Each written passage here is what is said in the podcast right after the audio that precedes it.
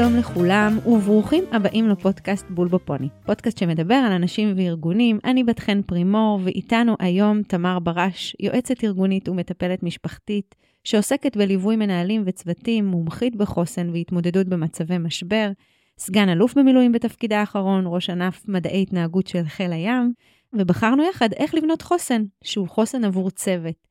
אז שלום, תמר יקרה, וברוכה הבאה. בת חנוש, וואו, כל כך שמחה להיות כאן, להיפגש שוב, מה היסטוריה ארוכה, וגם הווה, לא רק היסטוריה, זכות להתארח בפודקאסט המדהים שיצרת, אושר גדול.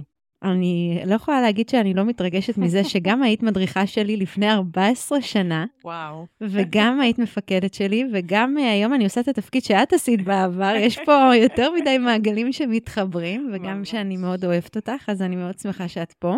אז באמת התלבטנו ודיברנו לא מעט בעונות הקודמות על אה, גם צוותים וגם על חוסן. אבל על השילוב של שניהם יחד לא באמת העמקנו, ויש המון uh, על מה להעמיק. אז בואי רגע נעשה באמת סדר במושגים לפני שנצלול יחד לפרקטיקה. ספרי לנו רגע על השילוב בין חוסן לבין צוות.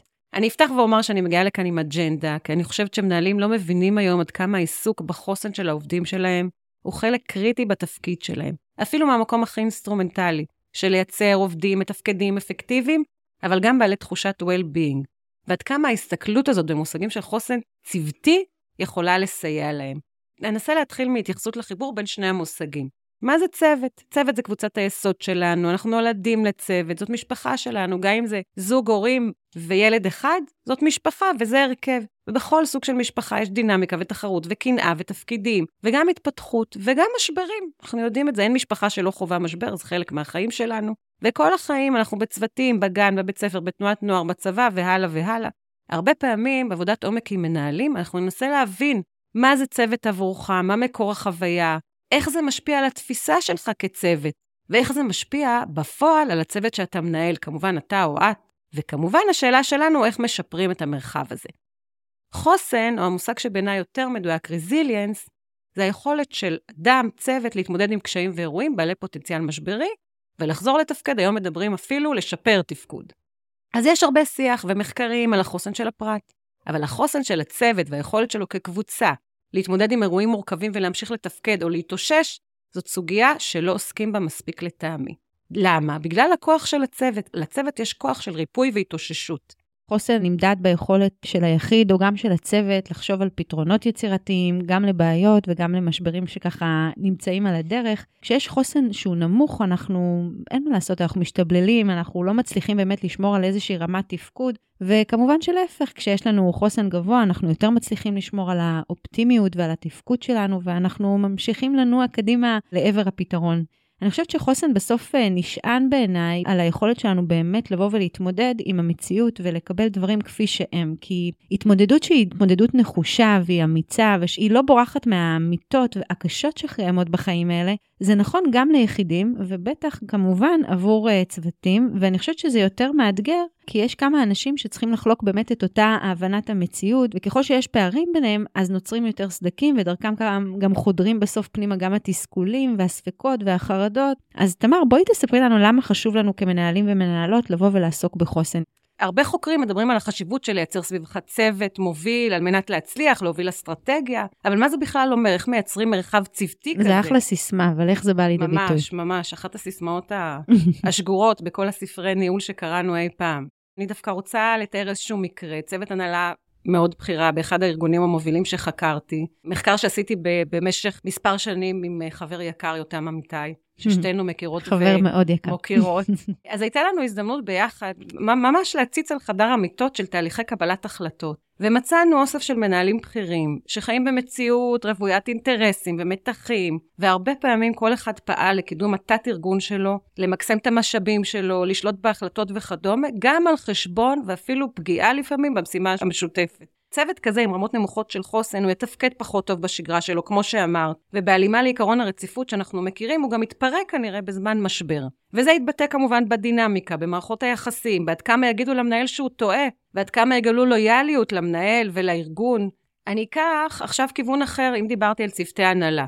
אז אני אגיד מכיוון אחר שבהסתכלות על מחירים של צוות עם חוסן נמוך, דווקא הסיפור של צוותי לוחמים. ממחקרים כמובן, אני ראיתי את זה גם בפועל דרך הליווי שלי, ושוב, בטח גם את, שיכולת ההתאוששות של לוחמים ממשברים בקרב הייתה גבוהה יותר כשהם היו חלק מצוות אורגני, אפילו בהיבט של PTSD ותופעות של פוסט-טראומה. נכון. במקום שהם היו יחד והייתה לכידות גבוהה והיכרות עמוקה, היכולת של כל פרט להתאושש הייתה גבוהה יותר. עכשיו, תחשבו, גם צוותי הנהלה בסוף נמצאים יחד, שוהים יחד, רוב הזמן שלהם נמצאים בעולם העבודה, ומה זה אומר על היכולת שלהם להתאושש ממשברים? אני חושבת שגם כל uh, צוות באשר הוא, יש לו טראומה אחרת. זאת אומרת, הטראומה היא נכווית כטראומה, גם אם זה בקרב וגם אם זה מול אה, מניה שנפלה, ממש. או פיטורין, או איזשהו אירוע משברי בתוך ארגון. כל אחד uh, זה בעולם הנורמות שלו. ואני חושבת ככה. ש... ממש, כאילו, אני חושבת שבסוף כשיש צוות שאין לו חוסן גבוה, והוא באמת נכנס למצב חירום, החברים שם בצוות אה, ממש עלולים להיות אה, מרוכזים רק בעצמם, ויצא לנו לפגוש גם את זה, והדינמיקה במצב כזה ממש נפגעת, גם של תהליכי קבלת ההחלטות ותיאום העבודה, וגם בסוף גם הביצועים עצמם של הצוות יורדים, כי אם כל אחד כך. בתוך הדבשת שלו ומתמקד בעצמו, אז אין, אין דרך אחרת. וגם אם האתגרים שניצבים בפני צוות העבודה הם לא כאלה רציניים וחמורים בעוצמתם, הם לעתים יכולים להיות חמורים מספיק, וזה מה שבדיוק דיברנו עליו, שכל אחד והנורמה שלו, לפגוע בביצועים ובלכידות שלו, שהלכידות פה זה העניין. עכשיו, אני חושבת שצוותים רבים יכולים להיות באמת מסוגלים לצלוח איזשהו אתגר, או שניים לפחות, אבל רק צוותים שהם בעלי חוסן נפשי גבוה ובאמת עברו ככה אה, מספיק זמן יחד, יצלחו את האתגרים האלה תוך שמירה על איזשהו מורל שהוא מורל גבוה וביצועים איכותיים ויעילים אה, לאורך זמן. איך אותו מנהל ומנהלת שמקשיבים לנו עכשיו אה, יודעים לזהות אם יש לצוות שלהם חוסן? אחד המחקרים הכי יפים שאני נתקלתי בהם, ואני, ואת בטח מכירה ומשתמשת בהם המון, מחקר של גוגל, נקרא פרויקט אריסטו, חקר מאות צוותים אה, לאורך שנים, ומה שהם מצאו שם, הם מצאו שונות בין הצוותים, אבל לא במקומות שהיינו מצפים. השונות היחידה שנמצאה בין צוותים טובים לצוותים פחות טובים, התבטאה בנורמות ובתרבות של הצוות. אז חמישה מרכיבים שדיברו עליהם בצוות מוצלח, ששוב, אנחנו מכירים וקראנו, ולאורך השנים, מבנה של צוות ובהירות התפקידים, תחושת משמעות, תחושת השפעה, תחושת לכידות וביטחון פסיכולוגי. יש מרחב משותף שהוא מעבר לפרטים, וכאן הסיפור של ביטחון פסיכולוגי הוא מאוד מאוד מעניין. אז חוקרת בשם אה, אמי אדמנסון, חקרה צוותים רפואיים בבתי חולים, היא בדקה עד כמה חברי הצוות, צוות רפואי, בסדר, חדרי מיון וכו', עד כמה הם מוכנים או בכלל מדווחים על טעויות בתפקוד שלהם, ואנחנו יודעים שצוותי בתי חולים, יש טעויות, זה חלק מהסיפור. ומה שהיא מצאה, באופן מאוד מפתיע, היו יותר דיווחים על טעויות דווקא בצוותים שנתפסו כיותר חזקים. ובבדיקה ככה מעמיקה שנעשתה שם, הם מצאו שבכל הצוותים נעשו כמובן טעויות רפואיות, אבל בצוותים החזקים יותר הייתה מוכנות להגיד טעיתי. הייתה מדהים. מוכנות של משתתפים בצוות להגיד, אני לא עשיתי בסדר, ואולי אפילו של המנהל צוות. אז מכאן באמת היא טבעה את המושג הזה, ביטחון פסיכולוגי. זאת היכולת של כל חבר בצוות להביא את עצמו, לחשוף קשיים וטעויות, לנסות דברים חדשים, בלי לחשוש מכישלון או מבוכה. אני חושבת שמבחינתי המטאפורה הכי מתאימה לעניין הזה, זה להגיע לצוות בנעלי בית. יפה. ואנחנו גם, אנחנו באמת חווינו את זה בצוותים שליווינו לאורך השנים, איך זה נראה, כי אפשר ממש להרגיש את זה. הביטחון הפסיכולוגי הזה, זה משהו שאתה מרגיש שאתה נכנס או בא למפגש עם צוות כזה. או אפילו נכנס לרגע לישיבת צוות. כי אתה, תראה שם הוואי ואווירה, ואתה תראה שנכנסים אחד לדברי השני ולא עובדים היררכית. ובתכנו שתינו יודעות שזה בדיוק ההפך מדיונים מאוד סדורים, שיש לך תג שם, ואתה יודע מתי אתה אמור לעלות ומתי אתה אמור לשתוק, ואסור לך להיכנס בדברים של מי שגבוה ממך בהיררכיה, או להפך, של מי שנמוך ממך בהיררכיה. איזה דוגמה את יכולה לתת אה, לצוות שככה מרגיש את הביטחון הזה? איך זה בא לידי ביטוי ביום-יום שלו? אתה יכול לדבר על קשיים. אפילו על קשיים שיש לך בבית, וזה לגיטימי. Mm-hmm. אתה יכול לשתף באי נוחות שהייתה לך מול קולגה, בפשלה שעשית, ולשים את זה בתוך הצוות. ומה שיפה, שגם המנהל יכול לשתף, לא רק אתה, כי זה אנושי, כי זה לגיטימי, ולהביא את זה לתוך הצוות. הצוות הזה גם האישי בחיי הבית, אבל גם האישי בחיי העבודה, ויש בזה משהו בעיניי קסום, ואני יכולה להגיד שכן, כמשתתפת, חוויתי צוותים כאלה, והייתה לי חוויה כל כך משמעותית, וזה בדיוק הסיפור הזה, שזה לא רק המבנה והתפקידים והמשמעות, כי כל זה יכול להיות, אבל אם אין לך את הביטחון הפסיכולוגי, אז זה לא זה. ממש. וזה הסיפור של החוסן, בתוך צוות. ממש, כי חוסן זה כזה דבר כל כך חמקמק ממש. בלהגדיר אותו, ונגעת כאן באמת בכמה נקודות סופר חשובות שעושות לנו סדר לגבי הביטחון הפסיכולוגי הזה בצוות. זה קצת כנות, זה פתיחות, ממש. זה אמון, זה אמפתיה, והכי חשוב, חמלה. ואני חושבת שמצד אחד אלה דברים שבאמת מאפשרים לצוות להיות יותר יצירתי וגם מאלתר, ובטח ובטח לייצר מצב שבו חברי הצוות חולקים את אותה הבנה לגבי המציאות שהם נמצאים בה, ולגבי התפקידים שלהם ולגבי המטרות שלהם.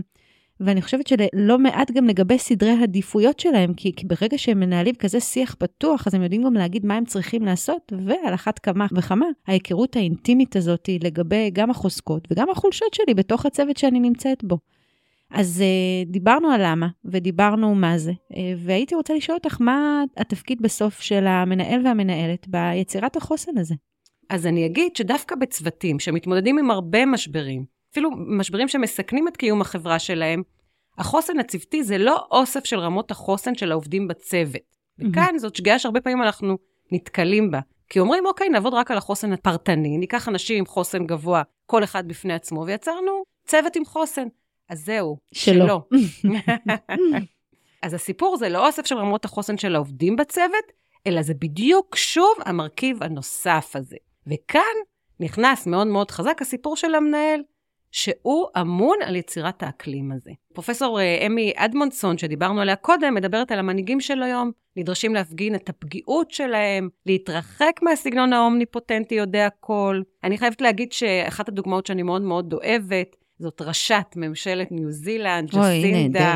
מדהימה, לאחרונה גם uh, סיימה את סיימה. תפקידה, נכון. אבל גם באופן מעורר השתאות כמעט, ממש. ההחלטה שלה על, על איזון בית עבודה. איזה מנהל בכיר איזה היה אומץ. שם את זה, איזה נכון. אומץ. איפה ראינו ראש ממשלה ש, שהיה שם את החלק הזה של איזון בית משפחה? לרוב, ואומרת לציבור, אני שחוקה, אני עוזבת. איזה אומץ ניהולי. בעיניי, בדיוק דוגמה למודל הזה, כי אני לא אשכח בתקופת הקורונה, בשיא הסגרים, זה נראה כאילו היסטוריה עתיקה. היא היחידה, כולם הופיעו מעונבים ומהודקים, והיא היחידה שהפגינה את הפגיעות שלה, והצטלמה בבית. נכון. לא זוכרת, עם בגדי בית ותינוקת, והיה בזה משהו כל כך כובש. מאוד אותנטי גם. מאוד, וזה בדיוק הסגנון של הניהול הזה.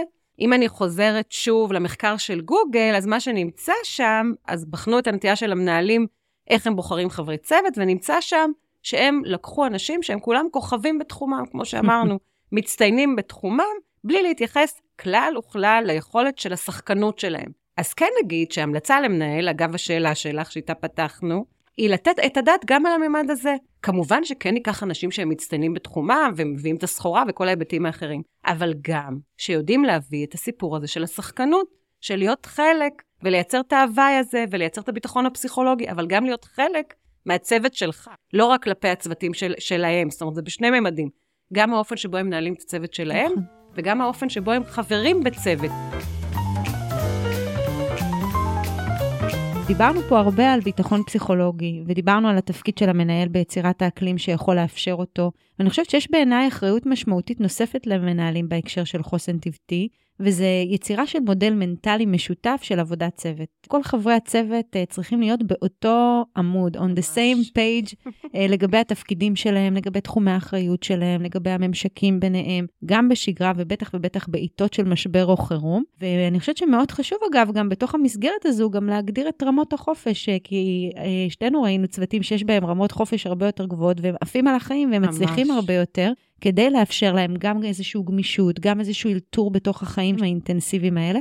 איזה פרקטיקות בסוף את היית ממליצה למנהלים ומנהלות לאמץ מחר בבוקר כדי לייצר לעצמם צוות יותר חסין וחזק? אז מה שכיף כאן, אגב, מאוד התחברתי למה שאמרת על החופש, זאת נקודה בעיניי מאוד משמעותית. אני גם באופן אישי, כחבר צוות, מאוד אוהבת שיש לי חופש, ואוהבת גם לתת חופש, ומאוד מאמינה בזה. אני חושבת שזה חלק מחוסן. אני אגיד שאפשר לייצר אווירת ביטחון פסיכולוגי, ויש אפילו פרקטיקות שיחסית הן קלות ליישום. כמובן שנדרשת האישיות המתאימה, והתודעה. וההבנה. ובעיקר תודעה והבנה. בכלל, באופן כללי, חוסן כן יש איזה ממד מולד בחוסן פרטני, נכון. אפשר להסתכל על הילדים שלנו אפילו, מי חסין יותר, מי חסין פחות, אבל יש המון המון המון אופציה לפתח. וחוסן צוותי זה כמובן דבר שאתה מייצר. אחד, צריך לייצר שיח שוויוני. מה זה שיח שוויוני? שלכל אחד בצוות יש מקום, הוא יכול להביע את הדעות שלו, את המחשבות שלו. כמו שאמרתי קודם, מותר להיכנס אחד לדברים של השני. אם רוצים לברר, אם רוצים להעמיק בשיח, אם רוצים לסתור אחד את השני. אין אף אחד שדעתו שווה יותר. גם המנהל. עכשיו, למשל, אחת הפרקטיקות זה באמת לייצר כל מיני אירועים שאתה ממש כמנהל מחזיק את זה, שגם אנשים יותר שקטים ייקחו חלק בתוך השיח, וגם לעודד את האווירה הזאת שאפשר להיכנס לדברים, אפשר להתווכח, ולא להיבהל מזה. הסיפור הזה שיש מקום להפגנת פגיעות, אפשר להיות חלש, גם המנהל כסוג של מודלינג, גם אם אני מביאה משהו מהחיים האישיים שלי כמנהלת, משהו שהוא לא מוצלח, שהוא לא uh, מציג אותי באור חיובי, זה בסדר, כי זה חלק מהפגיעות, חלק מהביטחון, חלק מזה שאני עושה מודלינג, מהווה מודלינג, לצוות שלי. אם דיברנו בתחילת המפגש על הצוות הראשוני שלנו, שזה המשפחה שגדלנו בה. אנחנו חוזרים למקום הזה, והמנהל צריך לשאול את עצמו, מה הסגנון המשפחתי שלי, ואיזה סגנון הייתי רוצה לייצר לצוות שלי. Mm-hmm. אני יכולה להגיד, למשל, שאני גדלתי בצוות של חמישה. מרשים מאוד. מרשים מאוד, בהחלט, להורים שלי בעיקר.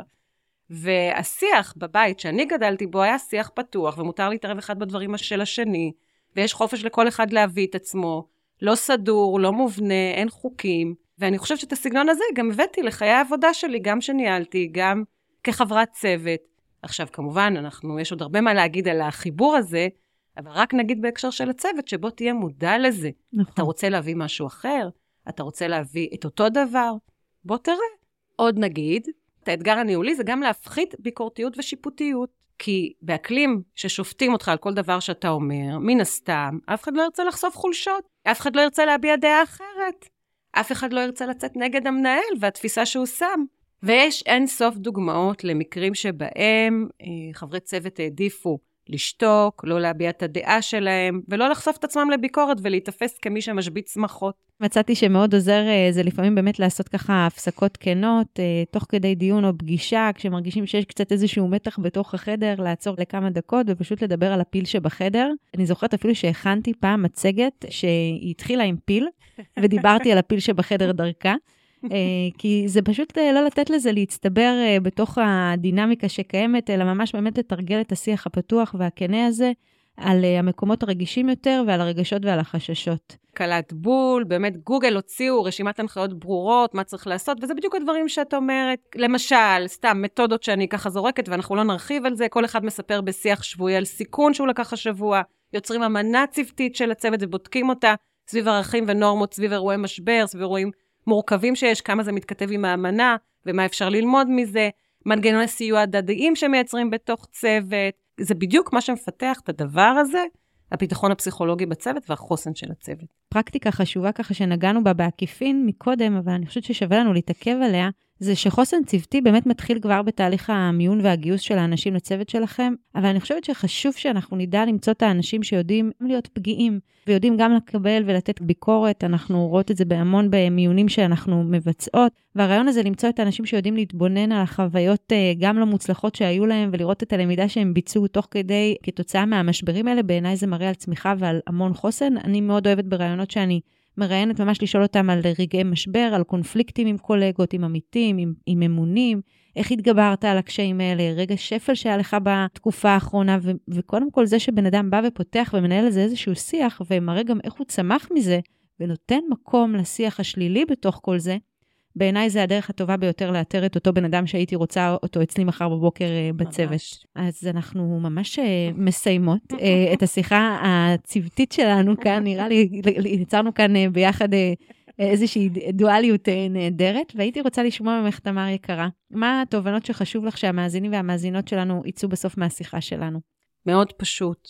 לי באמת יש אג'נדה שקשורה לסיפור של חוסן. ראיתי איך המרחב הזה יכול לעשות טוב ויכול לעשות רע. ראיתי איך זה יכול להשפיע על הישגים של צוות, על יכולת התמודדות, על עמידות, גם של הפרטים, גם של המנהל, וגם של יציאה ממשברים, שוב, לשני הכיוונים. ולכן אני חושבת שהפודקאסט הזה זאת הזדמנות לפנות דווקא למנהלים בכל דרג, וככה להיות במודעות להבנה הזאת שחוסן צוותי זה כלי, זה כלי שכדאי להשתמש בו, זה יעזור למנהלים להשיג תוצאות טובות יותר בהיבט של המשימה, וגם לייצר צוות עם אנשים שיש להם תחושת well-being. ובסוף, כל אחד מאיתנו, גם המנהלים הכי בכירים וגם אחרון העובדים, וגם אני, רוצים להגיע בבוקר לעבודה, להרגיש בעלי ערך, להרגיש שיש להם מקום, להרגיש שרואים אותם, להרגיש שיש משמעות לדעה שלהם. וזה, אני חושבת, החלק הטוב בתוך הסיפור הזה. אבל עיקר העבודה היא של המנהל. הוא גם צריך להיות מודלינג, והוא גם צריך לייצר את האקלים הזה, זאת האחריות שלו. לקחתי בשתי ידיים. תודה רבה רבה, תמר, נהניתי מאוד. תודה לך, היה מפגש קסום מבחינתי. איזה כיף. ביי ביי, נתראות.